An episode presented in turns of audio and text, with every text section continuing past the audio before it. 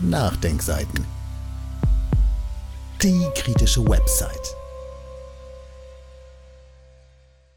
Bayer und Co.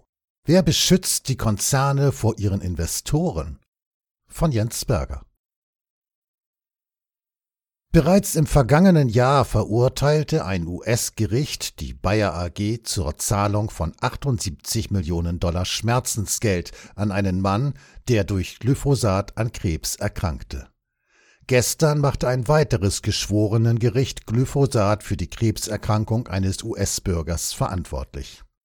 11.000 vergleichbare Klagen stehen noch aus, und selbst das ist nur die Spitze des Eisbergs. Die Bayer AG hat im letzten Jahr mit Monsanto auch sämtliche Schadenersatzansprüche an den Glyphosat-Hersteller übernommen. Die Risiken waren bekannt und wurden doch ignoriert. Daran könnte nun sogar der gesamte Konzern zugrunde gehen und mit ihm Zehntausende Arbeitsplätze. Warum schützt der Staat Konzerne nicht vor sich selbst, ihrem Management und kurzsichtigen Investoren? Milliardenrisiken durch Glyphosat. Als die Bayer AG im Mai 2016 ihr erstes offizielles Übernahmeangebot für den US-Agrarmulti Monsanto unterbreitete, schrillten bereits damals die Alarmglocken.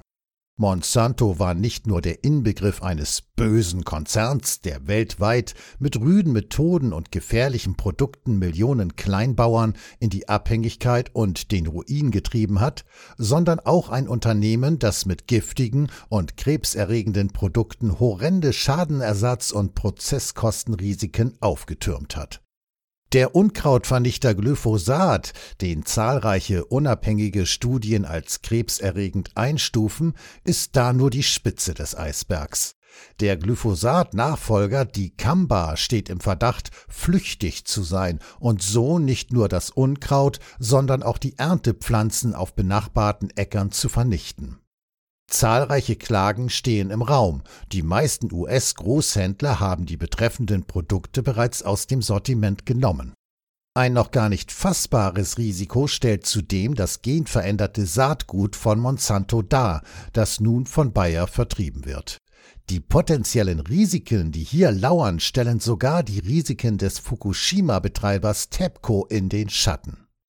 Monsanto war eine tickende Zeitbombe, deren Risiken den ursprünglichen Marktwert des Konzerns in Höhe von 45 Milliarden Dollar bei weitem überschreiten. Geradezu halsbrecherisch ist in diesem Zusammenhang, dass Monsantos Firmenzentrale in den USA liegt und daher auch Glyphosat Geschädigte aus Drittstaaten Monsanto vor einem US-Gericht verklagen können. Glyphosat ist vor allem in Südamerika und Indien sehr verbreitet. Die Zahl der potenziellen Klagen vor einem US-Gericht ist somit gar nicht zu bemessen, und Bayer hat es bis heute versäumt, den rechtlichen Sitz für seine und mit Monsanto erworbenen Risiken aus den USA zu verlagern.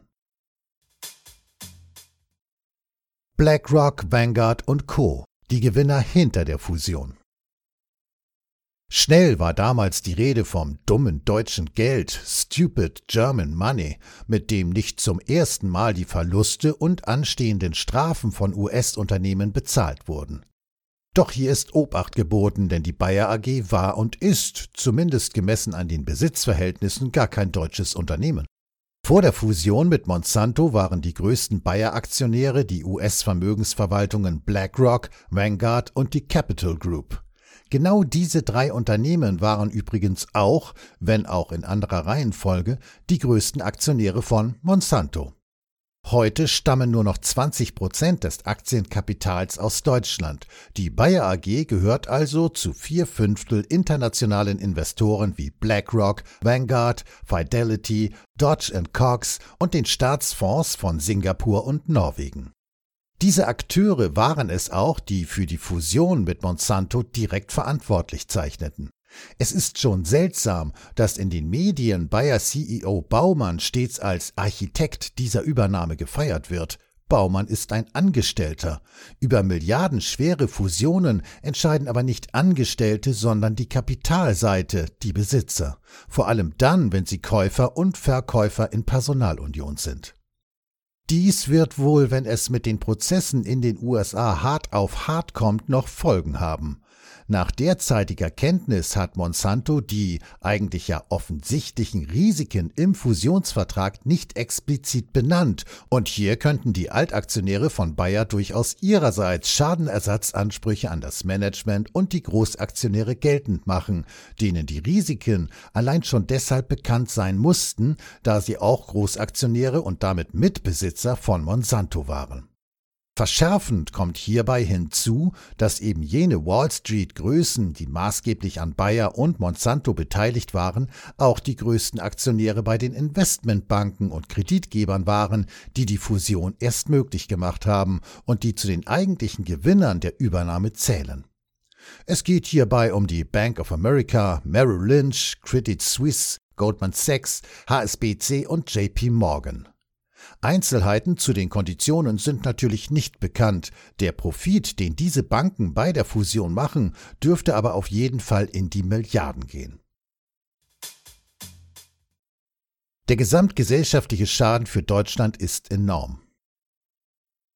Dies sind Milliarden Dollar, die von Deutschland in die USA fließen. Es ist schon merkwürdig, dass die Bundesregierung derartige Übernahmen, die von großer strategischer Bedeutung für den Standort Deutschland sind, nur unter dem Gesichtspunkt möglicher kartellrechtlicher Probleme prüft. Immerhin beschäftigt Bayer direkt rund 32.000 Menschen in Deutschland. Die Zahl der Mitarbeiter, die in den Tochterunternehmen der Bayer AG tätig sind, dürfte die 100.000 locker überschreiten. Wenn es um mehr als 100.000 Arbeitsplätze geht, muss die Politik doch ein Interesse an einer Mitsprache haben.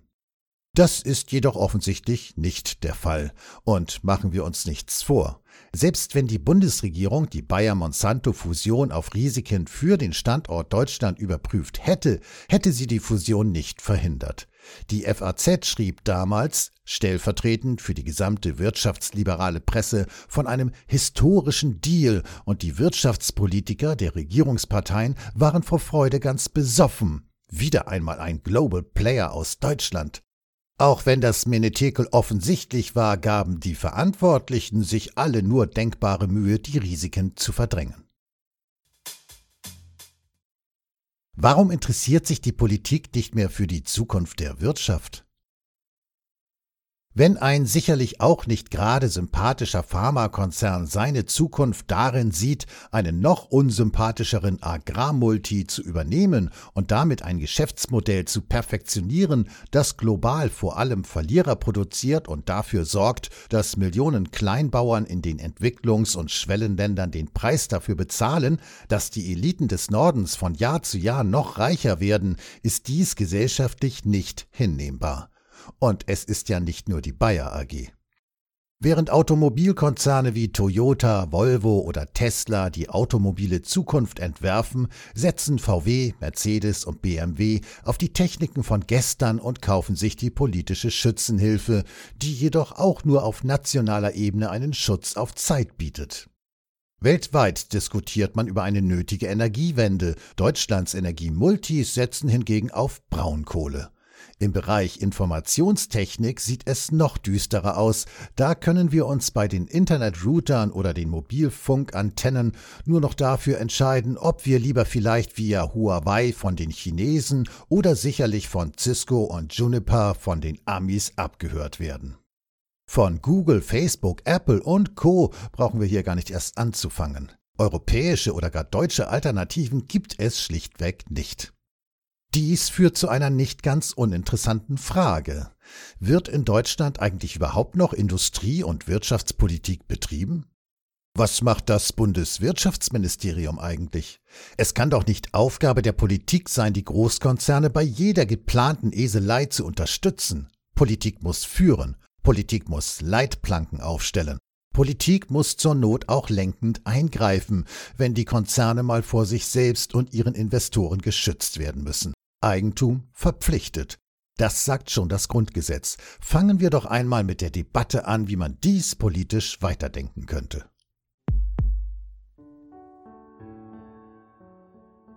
Dieses Audio konnte nur entstehen, weil zahlreiche Leser und Leserinnen die Nachdenkseiten fördern und durch Spenden unterstützen. Wenn Sie auch etwas tun wollen, klicken Sie einfach den entsprechenden Button auf unserer Website an. Übrigens, Sie können uns auch bei iTunes, SoundCloud und YouTube hören und wenn Sie mögen, gerne unseren Kanal abonnieren und eine positive Bewertung für uns abgeben. Wir freuen uns über Ihre Unterstützung und die Weiterverbreitung unserer Inhalte.